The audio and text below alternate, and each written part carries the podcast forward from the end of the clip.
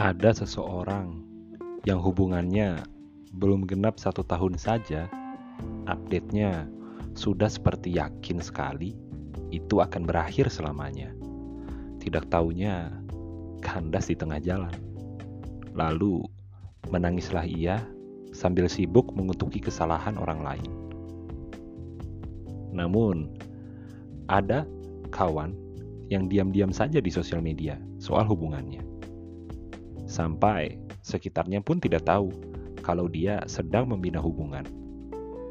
Tiba-tiba, kabar mengejutkan datang bahwa ia akan resmi melanjutkan hubungannya sampai tercatat oleh negara.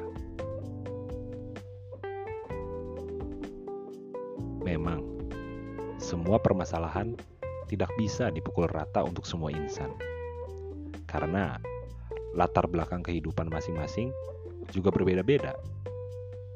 Namun, ada satu benang merah yang dapat kita petik dari sini.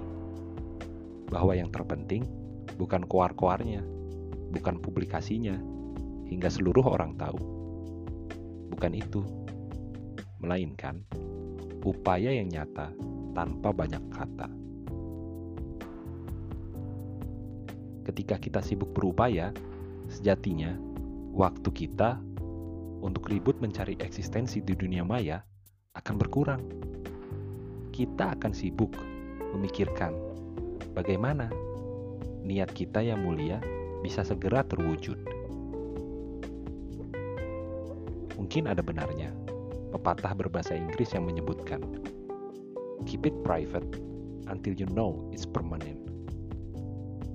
Untuk orang dewasa, seharusnya kalimat tadi bisa menyentuh di level yang berbeda.